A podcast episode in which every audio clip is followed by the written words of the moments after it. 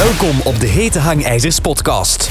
Maatschappij-kritische gesprekken over actuele thema's zonder censuur. Met uw gastheer Filip van Houten. Welkom iedereen in de Hete Hangijzer podcast. Vandaag heb ik Ab Gietelink als gast. Ab is journalist, filosoof en theatermaker. Hij is een ervaren spreker en schreef de afgelopen decennia artikelen, toneelstukken en publiceerde zeven boeken. Hij maakte meerdere reizen naar Rusland en Oekraïne, maar tevens ook, wat zeker relevant is momenteel, naar Israël en Palestina.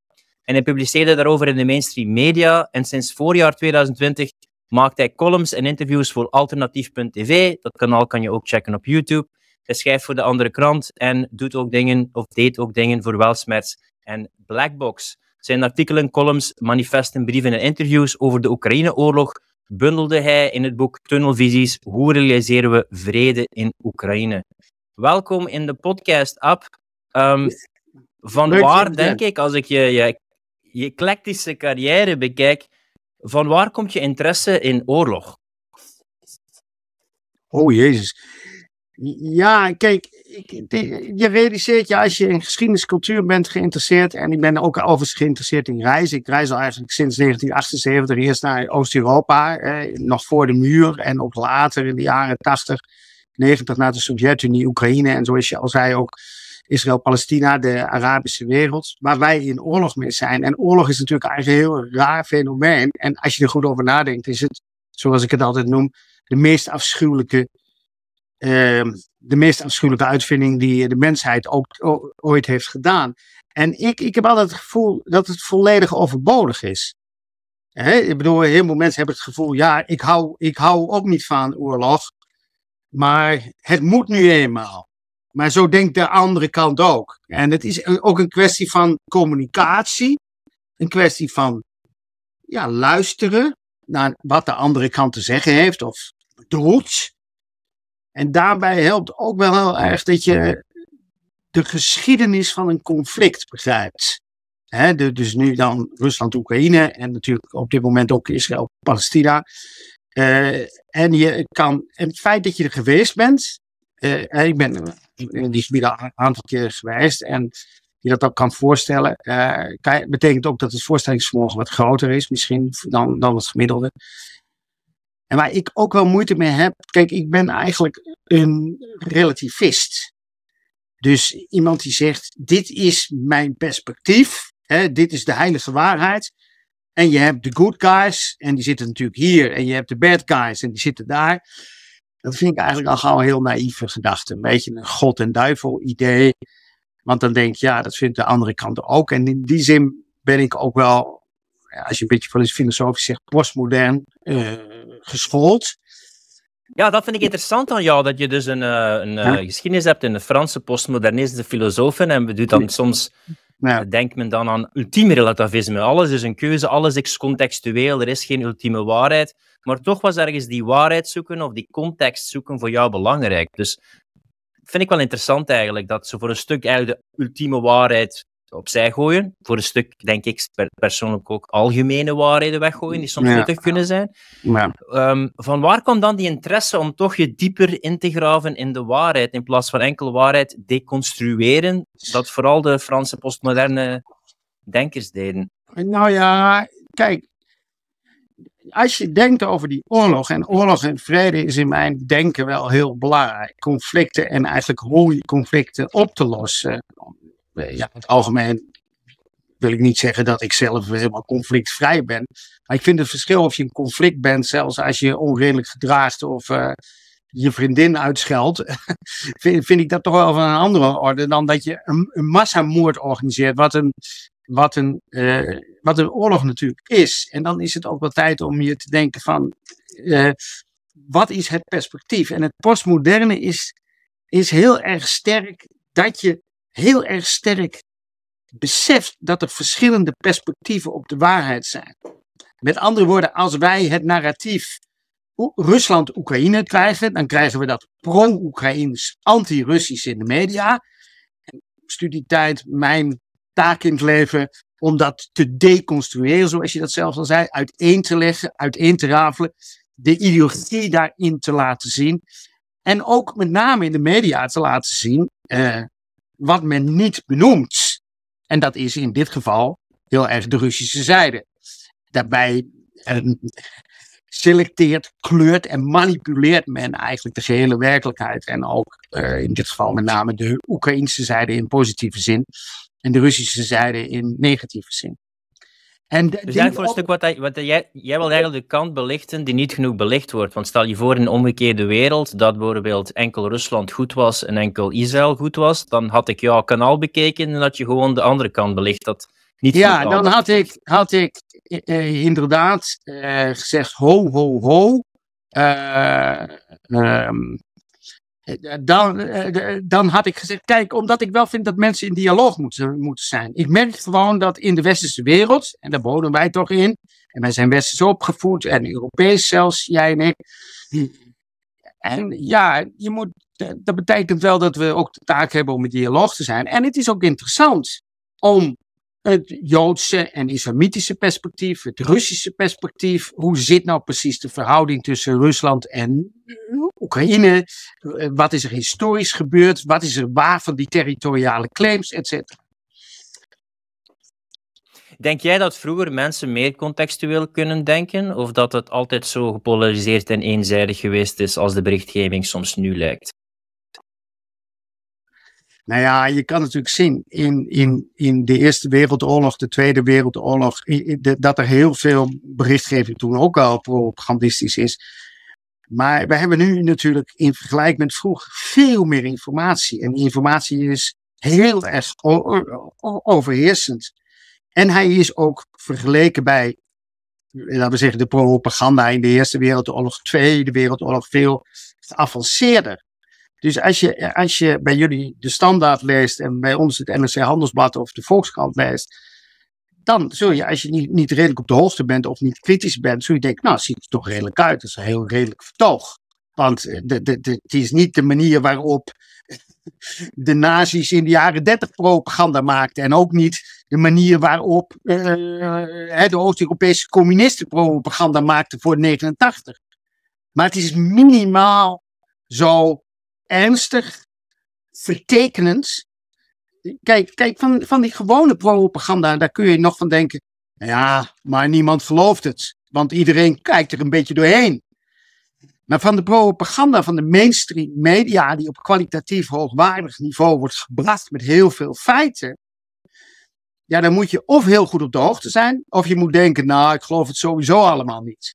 En wat wel interessant is, in de huidige uh, positie is dat de, uh, ja, de, de lager opgeleide eigenlijk verder wegstaan van de mainstream media. Met andere woorden, de hoger opgeleide trappen er meer in dan de lager opgeleide. Omdat ze meer vertrouwen hebben in wat de journalisten in de mainstream media zeggen. En ik zeg ook niet dat ze. Het probleem is natuurlijk ook niet dat ze allemaal leugens opschrijven.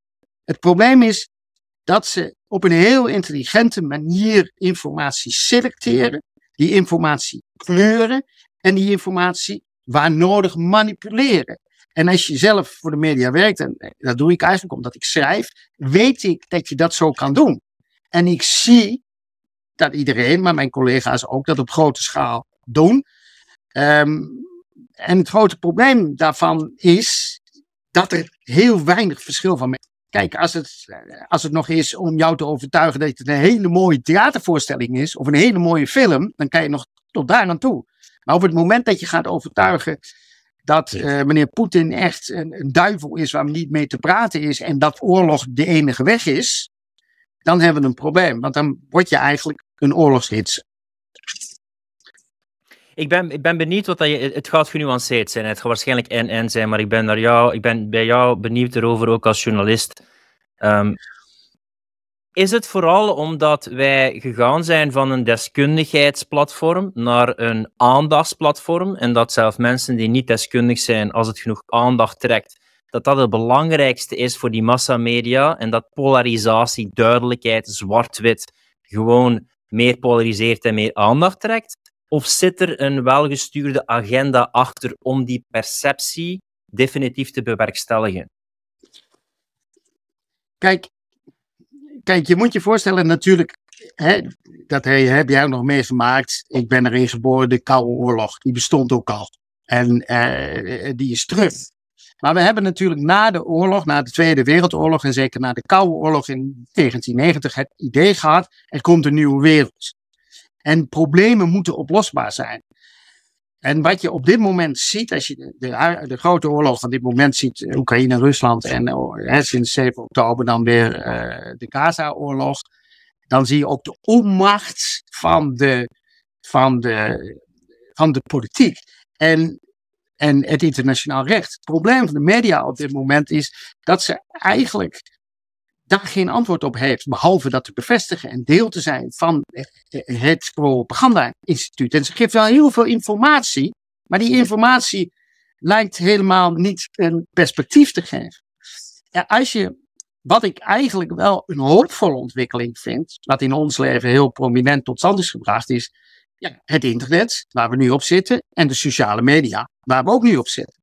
Want het betekent in feite dat je niet meer afhankelijk bent van een paar mainstream kranten en tv-stations, waar je een beperkt aantal mensen mag spreken.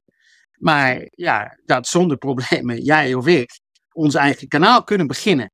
En dissidente geluiden tot stand brengen. En dat vindt het establishment wel vervelend, maar daar hebben ze natuurlijk niet heel veel invloed op. Behalve als ze in die grote uh, kanalen. En dan praat ik over de, de, de YouTubes en de LinkedIn's en de Facebooks. En hè, gaan zitten ingrijpen, want dan kunnen ze natuurlijk eh, censuur bedrijven.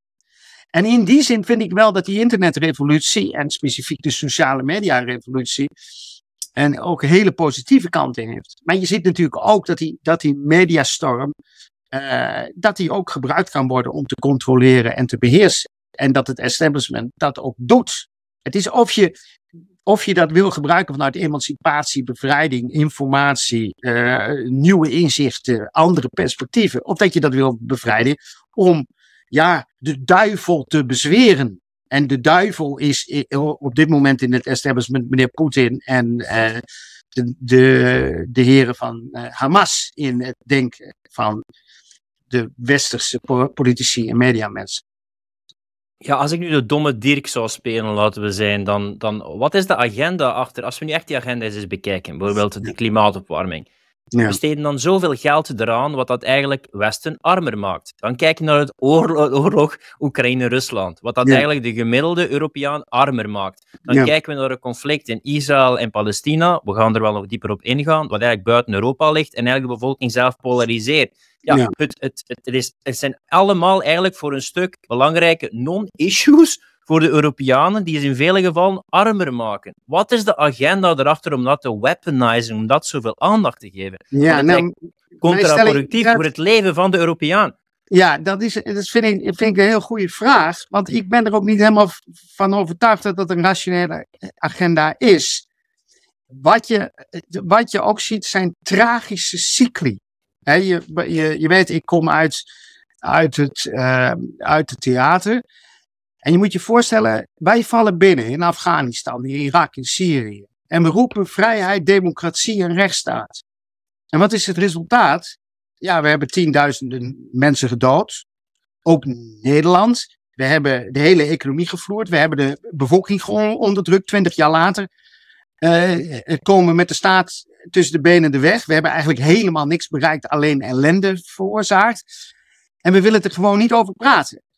En vervolgens uh, uh, vindt in Syrië, Irak, uh, Libië hetzelfde plaats. Hè. Je, je, je, kent het allemaal, 2003, 2011.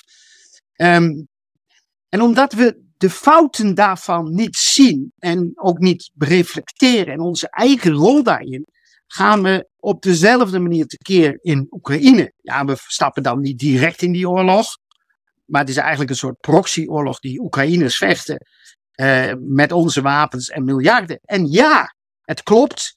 Wat je zegt klopt. Dat kost ons, ook Nederlanders en Belgen, gewoon miljarden en miljarden. En nog erger, uh, het idee we gaan Rusland in een soort uh, embargo zetten, betekent dat, dat die bal in ons eigen gezicht is ontploft. En eh, betekent dat met name de gas- en de olieprijzen explodeerden ten gunste eigenlijk van de Russische federatie. En de gewone burgerij betaalt. Dat is, dat is het verhaal. Is dat een agenda?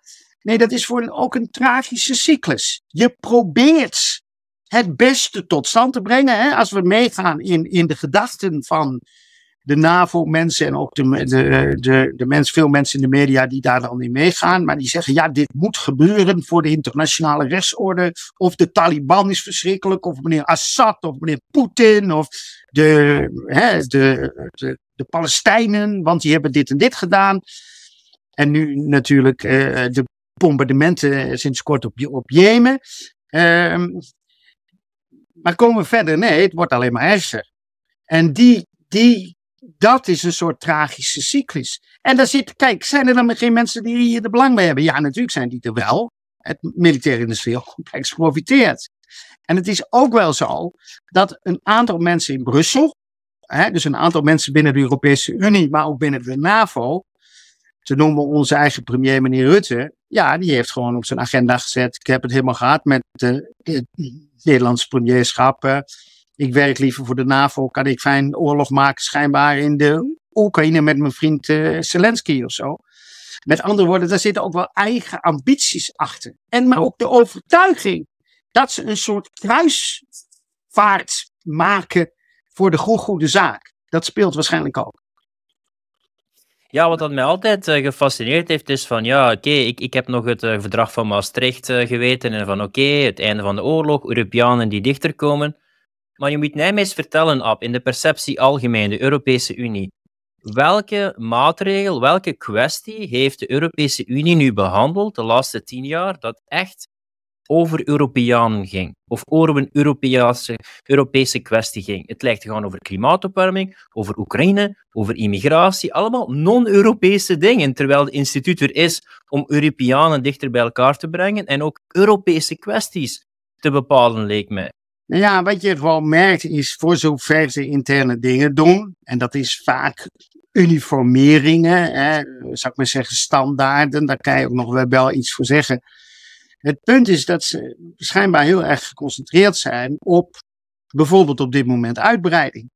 En die uitbreiding, hè, ze hebben, sinds kort hebben ze een, een, een, een rapport uitgebracht. Uitbreiding, de Europese Unie moet uitbreiden met landen van eh, Oekraïne, Georgië en Moldavië. Het grote probleem in Oekraïne is dat Russisch Oekraïne, Oost-Oekraïne is gewoon Russisch en is verdeeld. Er is nog een hele zware oorlog gaande ook. Georgië, daar zijn twee provincies in het noorden die eigenlijk in het begin van de jaren 90 eh, al afgescheiden zijn. Dat zijn Abhazie en Zuid-Ossetië. En Moldavië, dat is een klein land, maar dat is ook al verdeeld. Want dat is sinds de jaren 90 uh, Transnistrië. Dat is ook een soort Russische Russisch uh, provincie, zou je kunnen zeggen. Althans, het is een Russisch-talig gedeelte. Heeft zich ook afgescheiden. Met andere woorden, als de Europese Unie hierin gaat, dan steekt ze haar, haar kop gewoon in drie slangenkuilen. En, en wordt, het, wordt het alleen maar erger. En dan zit je ook wel met verbijstering bij te zeiken. Wij hebben daar helemaal geen belang bij. Zij, er zit een soort idee van expansiedrang en jullie, jullie Oekraïners, jullie Moldaviërs, jullie Georgiërs horen er ook bij. En daar zit ook nog bij, wij zullen jullie wel bevrijden van die verschrikkelijke Russen. Maar het grote probleem is dat die landen verdeeld zijn. Een deel wil gewoon bij de Russische Federatie en een deel is ook arm en wil natuurlijk hierbij en hoopt dan gewoon, en bij ons bij, bij de EU, dat ze daar heel veel geld ook voor krijgen. Dus wij in West-Europa met name zullen er met name voor betalen. En dat is helemaal natuurlijk niet het belang van, uh, van met name niet de West-Europeanen die betalen. Hè? Maar even los nog van de economische agenda. Uh, ja, je wordt inderdaad ook bij een conflict betrokken waar Nederland geeft nu al voor 2 miljard uh, wapens aan Oekraïne. Moet je je voorstellen, 2 miljard euro. En uh, ja, je hebt ook wel sterk het gevoel dat meneer Rutte daar persoonlijk nogal een grote rol in speelt om dat tot stand te brengen, laat ik maar zeggen. En daar zit iets, wij zijn het netste jongetje van de klas en willen graag eh, met de Amerikanen, de Britten en de Fransen voorop lopen. Dat speelt ook wel een beetje bij ons. En jullie in België gaan daar wellicht een beetje mee. Overigens in Hongarije veel minder. Dus het is wel minder dat die meneer Orbán, los van wat je daarvan vindt, het is helemaal niet mijn politieke kleur, maar die speelt ten, eh, die speelt ten opzichte in dit, in dit Russische probleem natuurlijk toch wel een veel gematigder en bemiddelende rol. En die roept voortdurend op tot een vredesoverleg. Ja, de meest realpolitiek denk ik dan. Maar, maar waarom roepen Frankrijk, Groot-Brittannië en Nederland zo hard tegen Rusland? Zijn die dan het schoothondje van Amerika? Want zelf in de geschiedenis hebben zij toch niet veel last gehad van Rusland. Als er bepaalde landen zouden moeten tegen opkomen, dan zou het ja, de Oost-Europese landen zijn. Uh, de meeste slachtoffers in Wereldoorlog 2, voor een stuk zijn we bevrijd door de Russen. Dus is dat echt de Europese of West-Europese agenda? Of is dat gewoon de uitvoering van een vooral Amerikaanse agenda? Nee, kijk, het is gewoon zo. Er is een narratief. En dat narratief heet vrijheid, uh, democratie en rechtsstaat. De, de liberale rechtsstaat. En er wordt van gezegd dat zijn wij. En dat zijn zij niet. En zij dat is de islamitische wereld, dat zijn de Chinezen, dat zijn de Russen, dat zijn iedereen die wij niet zijn. De werkelijkheid is natuurlijk veel genuanceerder. En de werkelijkheid is ook dat dat, dat, dat narratief van die liberale rechtsstaat, dat we ons ook moeten realiseren dat één, wij ook de grote koloniale machten waren in het verleden tot na de Tweede Wereldoorlog, ook België. En twee, dat het feit dat je zelf de zaak redelijk in Nederland en België op orde hebt, dat dat niet betekent dat je dat militair kan introduceren met harde middelen in Afghanistan of in, in, in Oekraïne. En dat je dan het tegenovergestelde effect sorteert. Namelijk, je helpt die mensen helemaal niet om, uh, zou ik maar zeggen, economisch, uh, economisch onafhankelijk te worden of überhaupt economisch te verbeteren, maar je helpt ze uh, de afgrond in. Een van de dingen die ik bijvoorbeeld echt, echt verbijsterend vond. Ik, ik, riep onlangs nog eens bij de andere kant redactie. Laten we nog eens even nagaan. Hè, de oorlog in Afghanistan en Syrië zijn nu afgelopen. Wat is daar nu eigenlijk gaande? Zijn zij bezig met een wederopbouw? En hebben wij een bijdrage geleverd aan dat wederopbouwplan? Nee, wij hebben helemaal geen bijdrage geleverd aan het wederopbouwplan. We hebben de boel vernield. En vervolgens zijn we teruggetrokken. En het is nog erger. Brussel en Washington hebben beslist dat Syrië en Afghanistan worden geboycott. Met andere woorden, er is een sanctiebeleid. En, en dat is dan tegen meneer Assad en de Taliban. Maar dat treft natuurlijk de gewone bevolking. En daar wordt ook heel erg overheen gewalst. Van men heeft het over Oekraïne of het gaat over meneer Zelensky. Maar het gaat natuurlijk over miljoenen mensen die daar wonen. En die hebben zonen en die gaan naar het front en die gaan daar dood. En die liggen in het bloed te baden en die worden voor hun leven lang verminkt. En die worden door hun ouders onder de grond gestopt. En dat zijn er niet een paar, maar dat zijn er tienduizenden volgens een aantal mensen. Al honderdduizenden. En dan heb je denk ik de morele plicht om te zeggen, jongens, laten we er toch eens over gaan praten. Ja, het is eigenlijk volledig absurd als je erover nadenkt.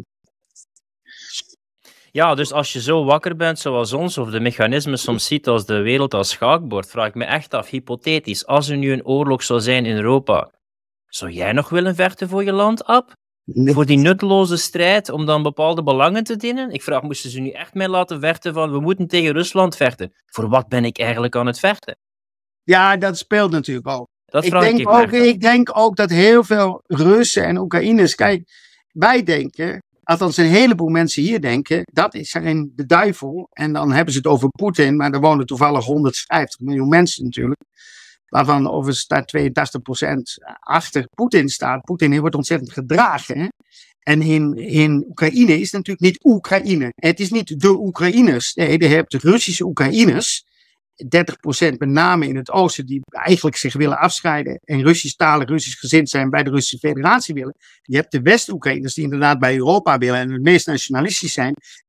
En daartussen zijn, ja zou ik maar zeggen, de Oekraïnse Oekraïners. Maar zelfs die hadden natuurlijk altijd redelijke relaties met Rusland en willen dat ook graag houden. Maar zelfs, ik heb in, in, in die analyse ook wel gezegd, Stel je voor, je bent een Oekraïns Oekraïner en je wil bij Europa. Dan ben je toch niet bereid om je zonen of je eigen lichaam uh, te offeren in een, in een, in een uitzichtloos front in, in, in Oost, Oost-Oekraïne. Dan zeg je toch, ja, als ik mij voorstel de vader van een zoon te zijn, want ik heb een zoon van een leeftijd die daar hè, zou kunnen vechten. Dan zou ik gewoon tegen meneer Zelensky zeggen: en nu is het genoeg. Je gaat maar om de tafel zitten en je maakt weer een deal. En op het moment dat die Russische Oekraïners in Oost-Oekraïne weg willen, dan uh, wens ik ze heel veel succes. Maar wij willen graag bij Europa.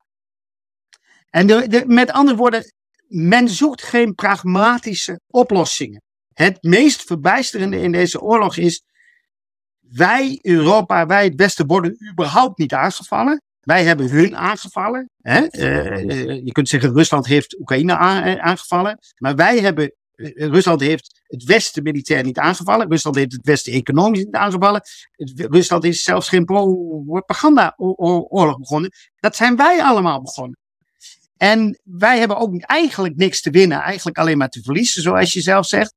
Dus het minste is dat je denkt, ja jongens, jullie, jullie, jullie hebben ruzie, daar kan me nog iets bij voorstellen. De, de Russen en de Oekraïners, dan gaan we eens even om de tafel zitten en gaan we een oplossing maken.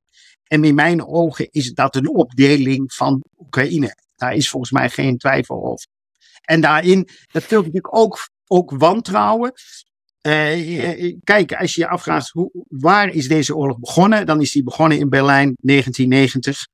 En het besluit van de NAVO om langzamerhand oostwaarts op te rukken en 15. Ja, misschien kan je eerst eens, uh, we gaan dan twee conflicten eens bespreken. Um, Israëlisch conflict en het uh, Oekraïns conflict. Ja. mijn luisteraars en mijn kijkers gaan misschien niet akkoord gaan, maar ik, ben, ik, denk soms van dachtende Vlamingen, maar meer soms als die Russische Oekraïners, dat we de ja. Verenigde Provinciën terug starten en ja. aansluiten met één taal en twee krachtige volken. Maar ja, dat is mijn persoonlijke opinie. Jij uh, bent heel goed in de context scheppen, schetsen van conflicten. Kan jij een beetje in onze beperkte tijd dat we hebben, een beetje uh, aangeven van hoe Oekraïne, de Oekraïne eruit zag gedurende de geschiedenis, misschien met een stuk van Polen, en dan de aanloop tot 1990 dat uh, ja, ze zeiden van oké, okay, geen inch naar het uh, oosten ja, nou, en dat de NAVO... Gezegd, ja. de geschiedenis van Oekraïne en Rusland is, is, is duizend jaar oud. eigenlijk was vroeger de staat duizend jaar, dat betekent in het jaar in de achtste eeuw, was Kiev de, de, de, de hoofdstad van het Kiev Rus heette dat toen. En daarna is in, in de 11e eeuw is, uh, is het uh, ja, christelijk geworden, of daarna is het al. En vervolgens is het christelijk orthodox geworden, Russisch orthodox geworden. En vervolgens heeft in, vanaf de 15e eeuw tot aan 1917 zich eigenlijk het Russisch keizerrijk zich ontwikkeld. Met in de 19e eeuw het hoogtepunt van dat Russische keizerrijk. En Oekraïne was vanaf 1654 gewoon een provincie in uh, Rusland. En de elite en, uh, en de klasse sprak uh, Russisch. Overigens is het heel interessant om, de, om het vergelijk te maken met België. Want België is eigenlijk Oekraïne in het klein. En met die twee talen. En ik, ik, uh, in mijn verhalen heb ik dat ook wel eens gedaan. Maar moet je voorstellen, hè, om daar toch even nog op door te gaan, België, dat de Vlamingen met 6,5 miljoen, die nemen de macht in Brussel en die jagen de Franstalige president weg. En op een bepaald moment zeggen die, zeggen die, uh, die, die mensen in, in, in Charleroi, Liège en Mons, die zeggen gewoon, en nu is het genoeg, wij scheiden ons af. En dan besluit de regering in Brussel onder de Vlamingen, luister, er is maar één taal in België, dat is Nederlands, Vlaams, ja. En als jullie je daar niet aan gedragen, dan bombarderen wij gewoon uh, die steden. En dan zeggen die landen, zeggen, ja, maar wij sluiten ons niet aan bij Frankrijk, ja. Dat is wat er in feite gaande is. En Frankrijk die zit daarmee, want die begrijpt ook wel, dan krijgen ze ruzie met de Belgen niet alleen, maar ook met de Amerikanen, de Britten en de Duitsers. En dat is het probleem waar Rusland eigenlijk acht jaar in zat. Dat ze wel begreep dat op het moment dat ze dat deel van de Oekraïne zou nemen en dus de Russische Oekraïners zou helpen, dat ze dan met het Westen in conflict komen. Maar dat is eigenlijk België, wat, wat België in het klein is. En het is vergelijkbaar. En het van jullie is eigenlijk, denk ik, ja, waar je ermee uitkomt, omdat jullie een federatie zijn, hè, Vlamingen en Walen dat er misschien ook meer contact is, meer respect is. En uh, ja, dat je ingepakt misschien bent in de Europese Unie. En dat je misschien ook gewoon een rijk land bent wat denkt, uh, laat, me zitten. Uh, maar even terug, want je vroeg van wat is de geschiedenis van Rusland en Oekraïne. We hebben het keizerrijk Rusland met Oekraïne als provincie dat heeft ge, uh, bestaan van 1654 tot 1917. In 1917 kwamen we in de Eerste Wereldoorlog, eigenlijk in 1914. En toen is het Russische keizerrijk door zijn voegen gezakt. En hebben we de communistische, de Russische revolutie gekregen. De communistische revolutie, dat was eigenlijk later natuurlijk de Sovjet-revolutie. Want in 1921 is de Sovjet-Unie op, uh, opgericht, die tot 1991 heeft bestaan. Dus precies 70 jaar. En daarin zijn twee besluiten genomen. In 1921 heeft Lenin, de, de leider, de voorzitter van het Centraal Comité in de Sovjet-Unie, eigenlijk beslist dat de Russische gebieden, uh, dat zijn eigenlijk de gebieden die nu Donetsk, Lugansk, Zaporizhia maakte dat ook niet uit, want het was een interne grens. Iedereen, er waren helemaal geen grenzen, iedereen was deel van de Sovjet-Unie. En dat was ook een soort pacificatie met de Oekraïners en met name met de West-Oekraïners. In 1954 heeft Khrushchev, de Sovjet-leider, heeft besloten uh, dat in het kader van het 300-jarige vredesverdrag tussen Rusland en Oekraïne, 1654-1954, de Krim daaraan toegevoegd werd. Maar dat is zoiets als een, als een interne verschuiving van de provincies. In 1991 Zoals je weet viel de Sovjet-Unie uit elkaar, het communisme viel uit elkaar, de Sovjet-Unie viel uit elkaar en de 15 deelrepublieken werden onafhankelijk. Een van de grote problemen is dat de grenzen, de interne grenzen, de buitengrenzen werden. En dat is in Joegoslavië ook gebeurd. De interne provinciegrenzen, deelrepubliekgrenzen werden de buitengrenzen. En daar. En één ding dat we misschien belangrijk.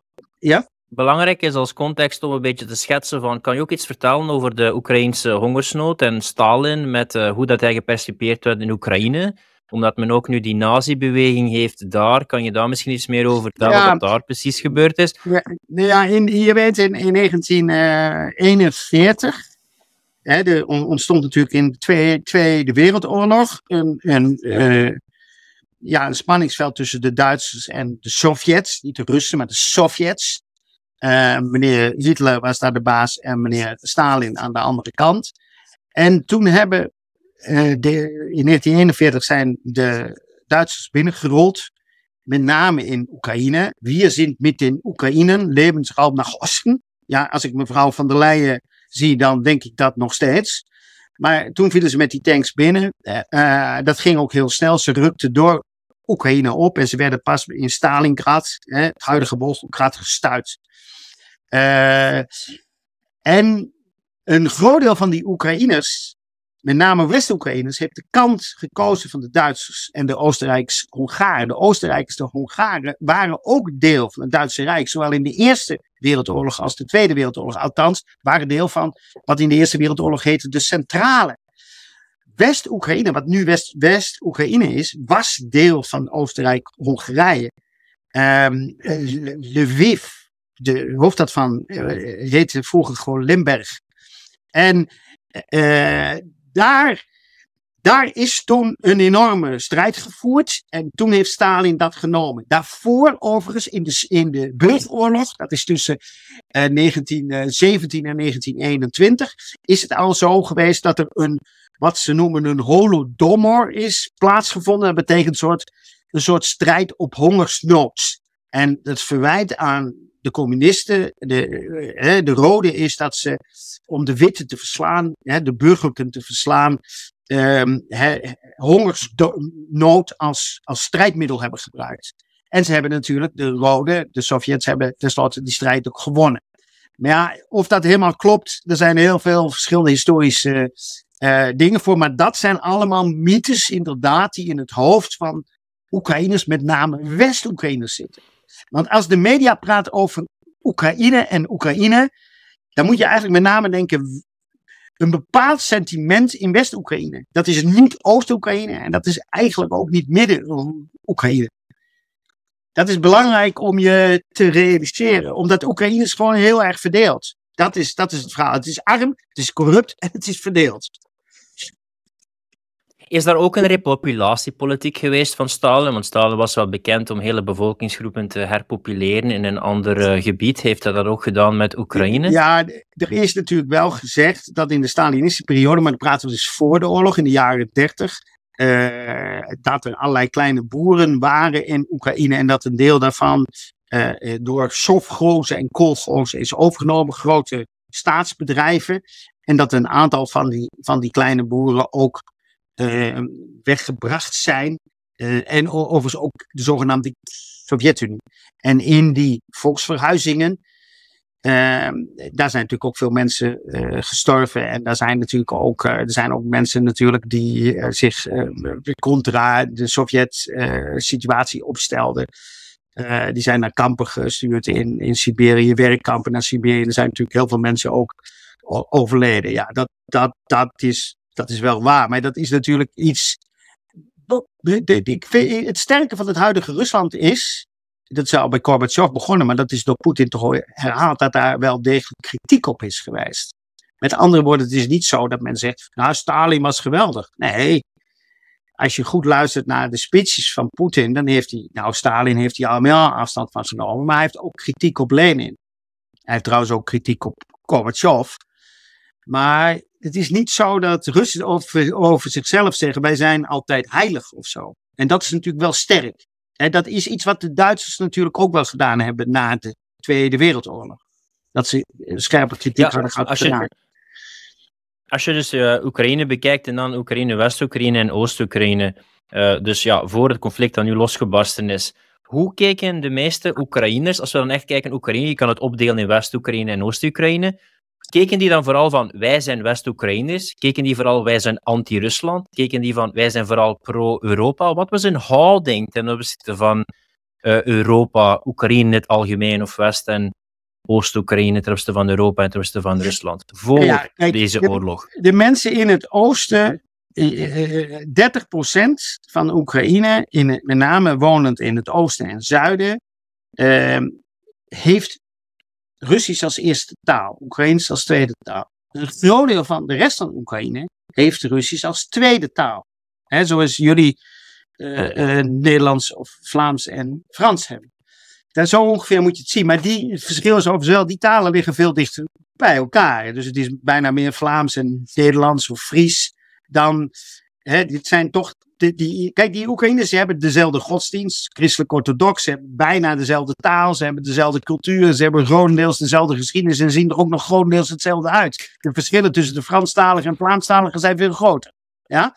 En, uh, maar die Russische Oekraïners voelen zich gewoon Russen of misschien wel Oekraïners, maar Rus, die groep helemaal in het westen, die voelt zich inderdaad wel Europees en wil graag bij Europa. Daar worden ze ook rijker van natuurlijk. Dat is een heel arm deel. En er is een heel grote groep in het midden die eigenlijk zich meer, wat ik zou willen noemen, Oekraïnse Oekraïns noemt. Ja, die wordt nu natuurlijk gezogen naar Europa. Maar je kan je voorstellen, die, dat is altijd, voor een deel in Kiev is dat natuurlijk ook de elite geweest, die grotendeels Russisch-talig ook was. En je moet je voorstellen, tot voor kort was het grootste deel van de, van de kranten en tv-stations was gewoon in het Russisch. Ja? Op, op scholen werd Russisch gebruikt. Dus wat er vroeger, zou ik zeggen, was in België, dat, eh, dat alles wat officieel was, was Frans. Ja? in die zin kan je natuurlijk zeggen dat, dat, dat, dat, die dat die, dat die Oekraïnse taal ook een soort emancipatie is geweest. En dat is eigenlijk pas heel laat begonnen. En dat is bij jullie natuurlijk 100 jaar geleden al begonnen, of 150 jaar geleden.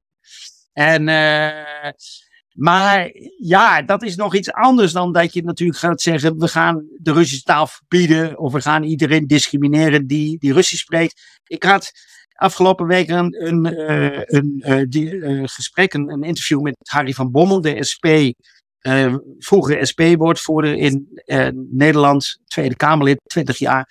En die zegt gewoon openlijk: ja, wij hebben die Baltische staten, uh, die, de Russische minderheden, dat zijn hele grote Russische minderheden, tussen 30 en 50 procent, die zijn gewoon zwaar gediscrimineerd. En die zijn voor een groot deel ook vertrokken door die discriminatie de afgelopen 20, 30 jaar. Dat zijn staten die deel zijn van de Europese Unie. Dus het hele idee, in de Europese Unie wordt niet gediscrimineerd, daar bestaan geen twee tweederangs burgers. Ja, dat is in werkelijkheid dus niet zo. Dat is de kern van het probleem. En je moet je natuurlijk ook je realiseren, als wij dat toelaten in de Baltische Staten, dat mensen in Oekraïne denken, oei, daar wil ik geen, geen deel van zijn. Dat is natuurlijk ook geen reclame. Maar wij beseffen dat helemaal niet, want onze media geeft die, die informatie grotendeels niet. Ja, oké. Als, als, we, als we nu naar 91 gaan, hè, geen inch naar het oosten. Wat is daar precies gebeurd en wat was daar afgesproken? Nou ja, kijk, in 89, Gorbachev kwam aan de macht in 85 en die zei eigenlijk, we moeten gewoon ophouden met die Koude Oorlog. En die heeft eigenlijk ook door zijn charme de westerse leiders daarvan overtuigd om daarin mee te gaan. Die gaf eigenlijk ook de Oost-Europese socialistische regimes de ruimte om eh, meer vrijheid te nemen. Dat heeft ook geleid tot het feit dat in de DDR de muur is gevallen in 1989.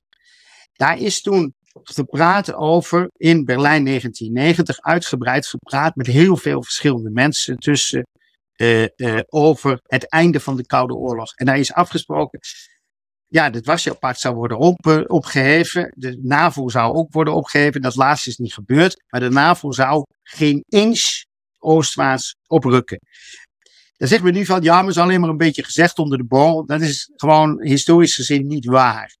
Eh, je moet je voorstellen, er zijn onderhandelingen en officiële besprekingen geweest. En van die officiële besprekingen en onderhandelingen tussen Gorbachev en Russische delegaties en het westerse leiders, alle westerse leiders, belangrijke westerse leiders van dat moment, en dan praat je over mensen als Kohl en Baker en, en Genscher, eh, die waren daar deel van, die hebben dat ook gezegd. Daar zou worden gezegd, oké, we laten de, de NAVO bestaan in de huidige vorm, waarbij dan de DDR deel zou worden van de Bondsrepubliek. En op die voorwaarden is de DD DDR, waar 400.000 Russische of Sovjet-soldaten lagen, ook ontruimd. Een van de mensen die daar zat, overigens, was meneer Poetin bij de eh, geheime dienst. Die spreekt ook Duits. Die is ook heel erg Europees denkend. Hè?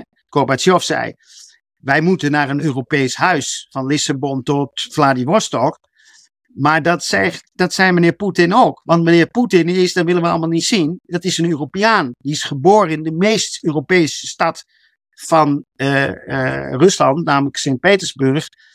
Vlak we zien dit trouwens ook wel, wel in. Ik ben nu terug in een geschiedenis aan het lezen. Je leest dan over hoe Peter de Grote zich vermomd had en toen in Nederland eh, allerlei klusjes deed en zich verdiept in de Europese cultuur. Je Ja. ziet er Voltaire met Catherine de Grote communiceren. Dus er is altijd wel een sterke link geweest en uitwisseling en intellectuele nieuwsgierigheid vanuit Rusland naar Europa. Ja, nee, dat, dat is ook zo. Je noemt het een mooi voorbeeld van Peter de Grote, die hier dan in eh, 1696 kwam en in Amsterdam eh, geleerd heeft om, om schepen te bouwen. En hier in Zaanstad het uh, Tsaar Petershuisje woonde die. Eh, maar, en, en de Grote, eind 18e eeuw, eh, die overigens eh, de, de steden op de Krim, Sebastopol, maar ook Odessa, het hele Novorossiya, Nieuw-Rusland, is einde 18e eeuw gesticht door Russische kolonisten. En die wonen er nog steeds. En daarom is het Russisch-talig en Russisch gezind. Dat is wel heel goed om je te realiseren. En de hele gedachte die onze mainstream media vertelt. Ja, je hebt, je hebt Oekraïners en je hebt Russen. Dat is natuurlijk helemaal niet zo. Er is een, een belangrijk segment dat heet Russisch-Oekraïners. En ja, de 19e eeuw is dan de golden age van Rusland, zou je kunnen zeggen, met de grote schrijvers, Dostoevsky, Chekhov, uh, uh, de grote componisten en zo. En ja, daar ontstaan natuurlijk allemaal romantische ideeën. En dan kan je dus ook zien dat Rusland gewoon deel is van de Europese cultuur. Een van de grootmachten naast Frankrijk, Duitsland en Groot-Brittannië, zou je kunnen zeggen. En, wel, er zijn ja, wel een kruisbestuiving geweest, maar ik heb toch de indruk altijd geweest dat de liefde en interesse van Rusland naar Europa groter was dan de algemene Europeaan naar, naar Rusland toe. Ja, ik, kijk, het grote probleem is dat er altijd een soort wantrouwen is geweest. In eerste instantie was Rusland, eigenlijk is dat altijd natuurlijk zo geweest, wat primitiever of achtergebleven. Hè? Dat was zeker in, in de eerste eeuwen zo. Dus dat waren de barbaren. Uh, maar kijk, je moet ook zeggen dat op dit moment het, het, welvaartsniveau en het ontwikkelingsniveau is vergelijkbaar met Polen, Hongarije, Tsjechië. En ze zijn minder rijk dan wij in West, West-Europa, maar het gemiddeld inkomen per hoofd van de bevolking en ook allerlei geavanceerde dingen, is wel vergelijkbaar met die Oost-Europese landen. En op sommige punten zijn Russen natuurlijk ook heel goed. Hè? Die, die ruimtevaart die ze hebben ontwikkeld in de Sovjet-tijd, ja, daar, dat, dat behoorde op een bepaald moment tot de beste, tot de beste van de wereld. En uh, dat, dat, ik bedoel, dat is ook belangrijk om te zien. En ik denk dat wij als Europeanen een verschrikkelijke kans gemist hebben. Wij hadden sinds 1990 Rusland moeten binnenhalen. We hadden Rusland niet moeten bedreigen. We hadden Rusland niet moeten wantrouwen. We hadden de NAVO niet moeten uitbreiden. Als we wat moeten, hadden moeten uitbreiden, is het de OVSE. En we hadden uh, uh, uh, een toekomst moeten vinden in Rusland. De toekomst ook van de wereld voor een deel ligt natuurlijk in enorme grondstoffen die ook in Siberië liggen. En wij, ook de Nederlandse multinationals en de andere Europese multinationals, hadden daar diep geïnvesteerd. Moet je je voorstellen. Nederland was de tweede importeur na Duitsland in Rusland. Nederland. En dat hebben we gewoon vrijwillig opgegeven.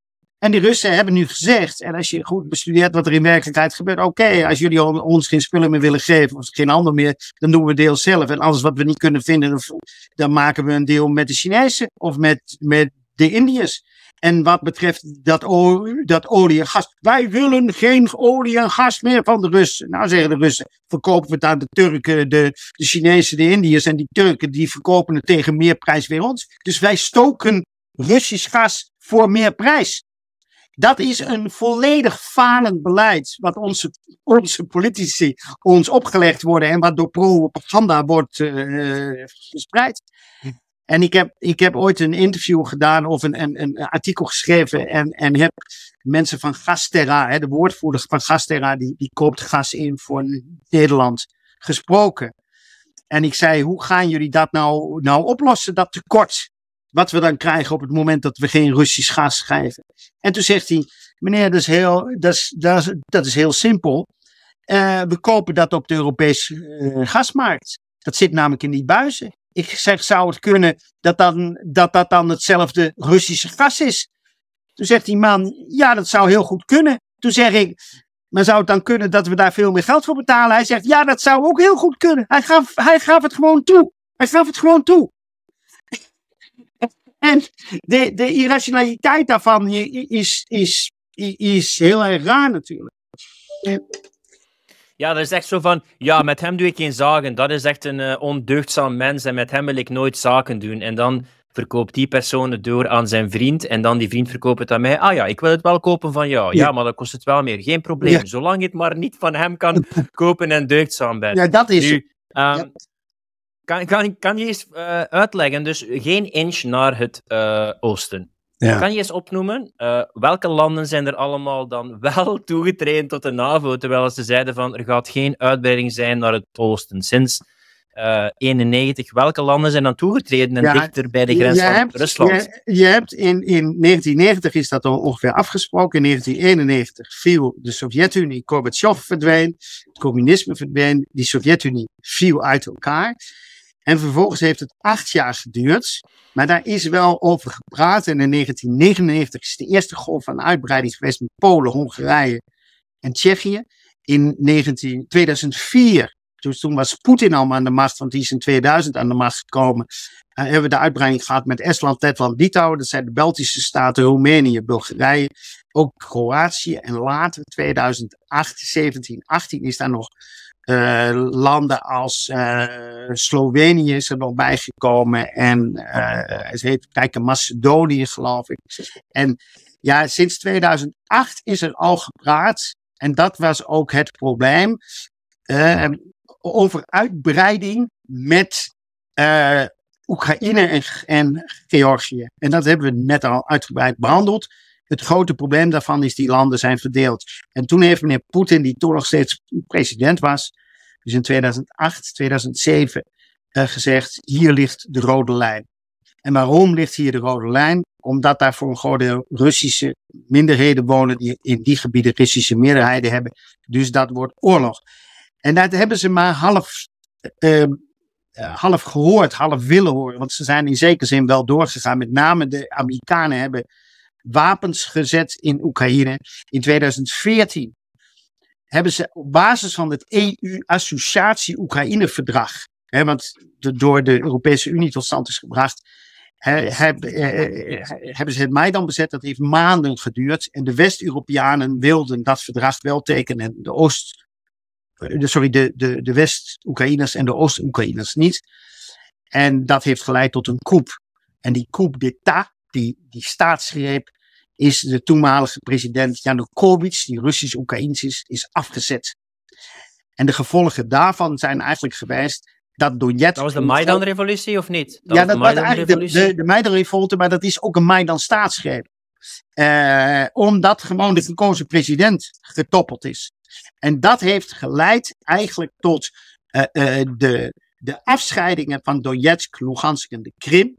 En dan is het belangrijk om te zeggen dat in 2014 er in al die drie deelrepublieken um, referenda zijn geweest. En dat die referenda met ongeveer 80, 85 procent opkomst, 90 procent van die bevolking, uh, een beetje verschillend, maar ongeveer 90, 95 procent stemde voor onafhankelijkheid dan wel voor aansluiting bij de Russische Federatie. En dat is in, in, in, de, toen is het besluit genomen door Poetin en ook door de Federatieraad en de Duma dat de Krim toen wel deel kon worden van de Russische Federatie. Dat is in 2014 gebeurd. En dat er over Donetsk en Lugansk onderhandeld zou worden. En dat zijn de Minsk-akkoorden geworden. Is, is dit een gevolg geweest, uh, App, om even duidelijk te maken? Want de Maidan-revolutie lijkt me meer een revolutie dan uh, ja, dat eigenlijk more pro-westers was en dat dan uh, ja, anti-Russisch was, als men zo zwart-wit moet zien. Was dit referenda dan een gevolg daarvan? Want de Maidan leek mij meer pro-westers te zijn. En als er als resultaat nu lokale referenda zijn dat Rusland, dat ze meer pro-Russisch zijn, was dat dan de reactie van ja. de provincies? Ja, dat is de, dat is de reactie. Dus je moet je voorstellen, die Maidan-revolt heeft plaatsgevonden, die Maidan-staatsgreep. De Russisch-Oekraïnse president Yanukovych is verdreven naar Rusland. 100 parlementariërs in zijn kielzog. Hè, die, die, die waren gewoon bang gewoon vermoord te worden in Kiev. En toen hebben een aantal deelrepublieken, je begrijpt, Oekraïne is heel groot, dus ik bedoel, de, de, de, de afstanden zijn natuurlijk heel groot. Die hebben gewoon zelfstandig gezegd, genoeg is genoeg, wij zijn anti-Maidan, wij scheiden ons af. En dat heeft geleid eerst tot de volksrepublieken Donetsk en Lugansk.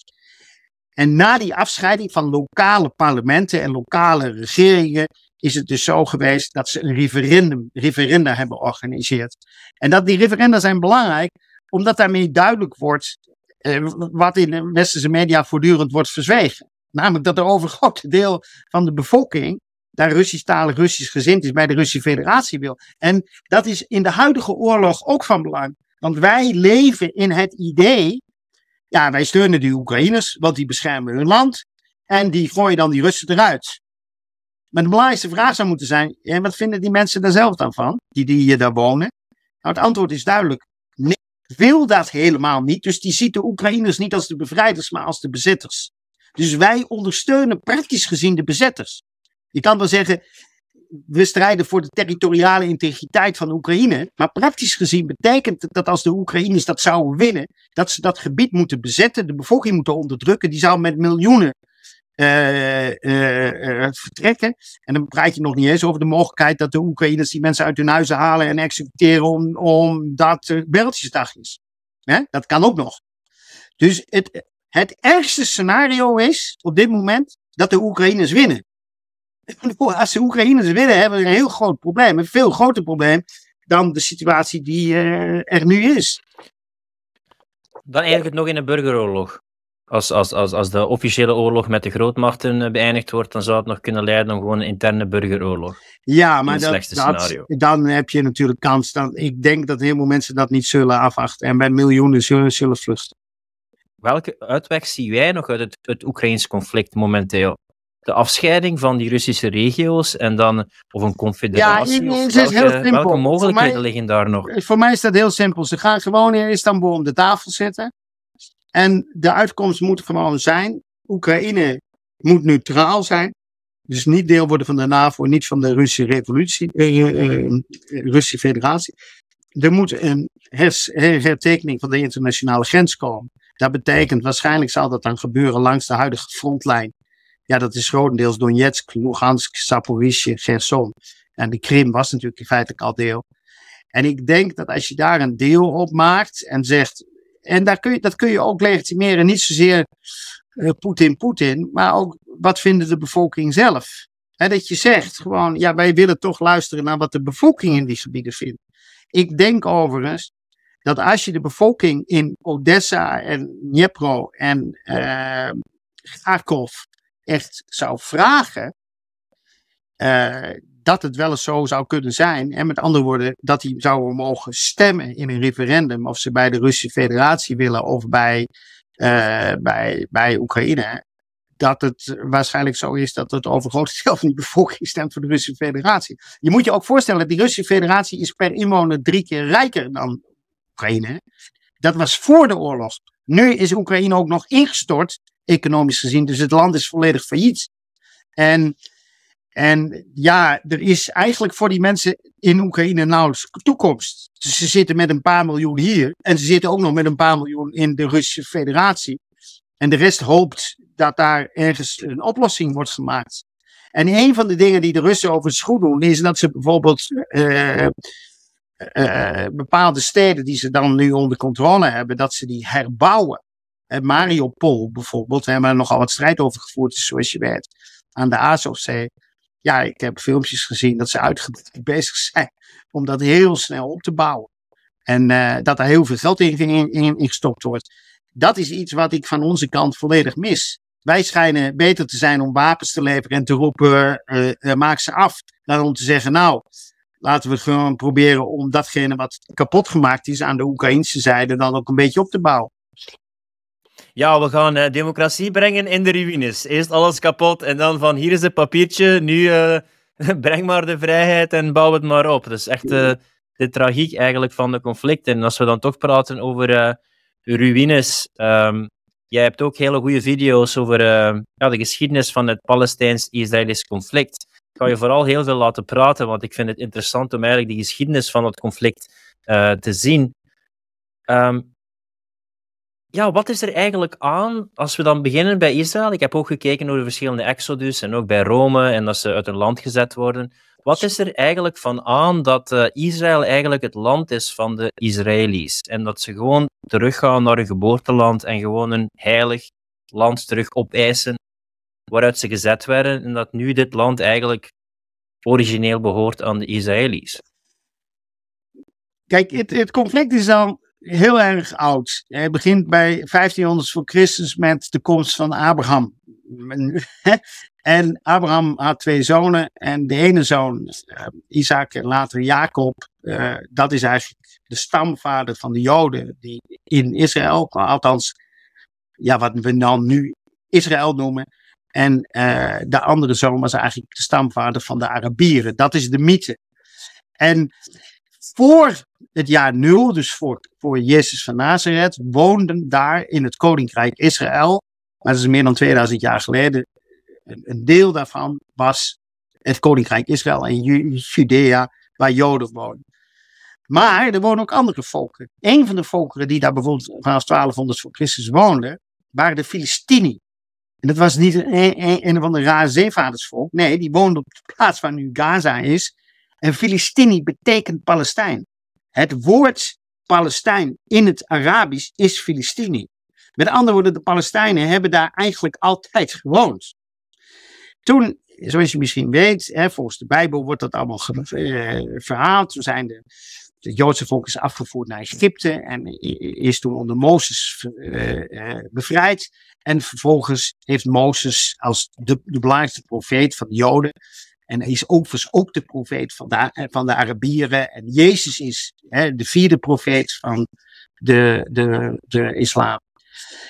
Um, vervolgens komen we um, bij de Romeinen. De Romeinen hebben toen dat gebied bezet, zoals je weet. En daar is een figuur, uh, ook nogal bekend, Jezus van Nazareth. Die is geboren en die heeft daar rondgereisd en die is in 33 na Christus gekruisigd. Eigenlijk zo roep ik altijd, de meest invloedrijke mensen uit de wereldgeschiedenis. En toen zijn eigenlijk de Joden in opstand gekomen tegen die, Romeinen en die zijn op een bepaald moment verslagen. En die zijn in de eerste eeuwen na Christus vertrokken.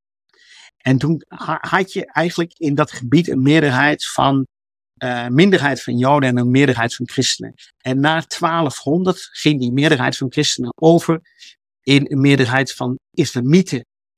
Uh, vanaf 637 is, is uh, Jeruzalem bezet door de islamieten. Die, die verspreiden zich vanuit Saudi-Arabië over het gehele Midden-Oosten en Noord-Afrika.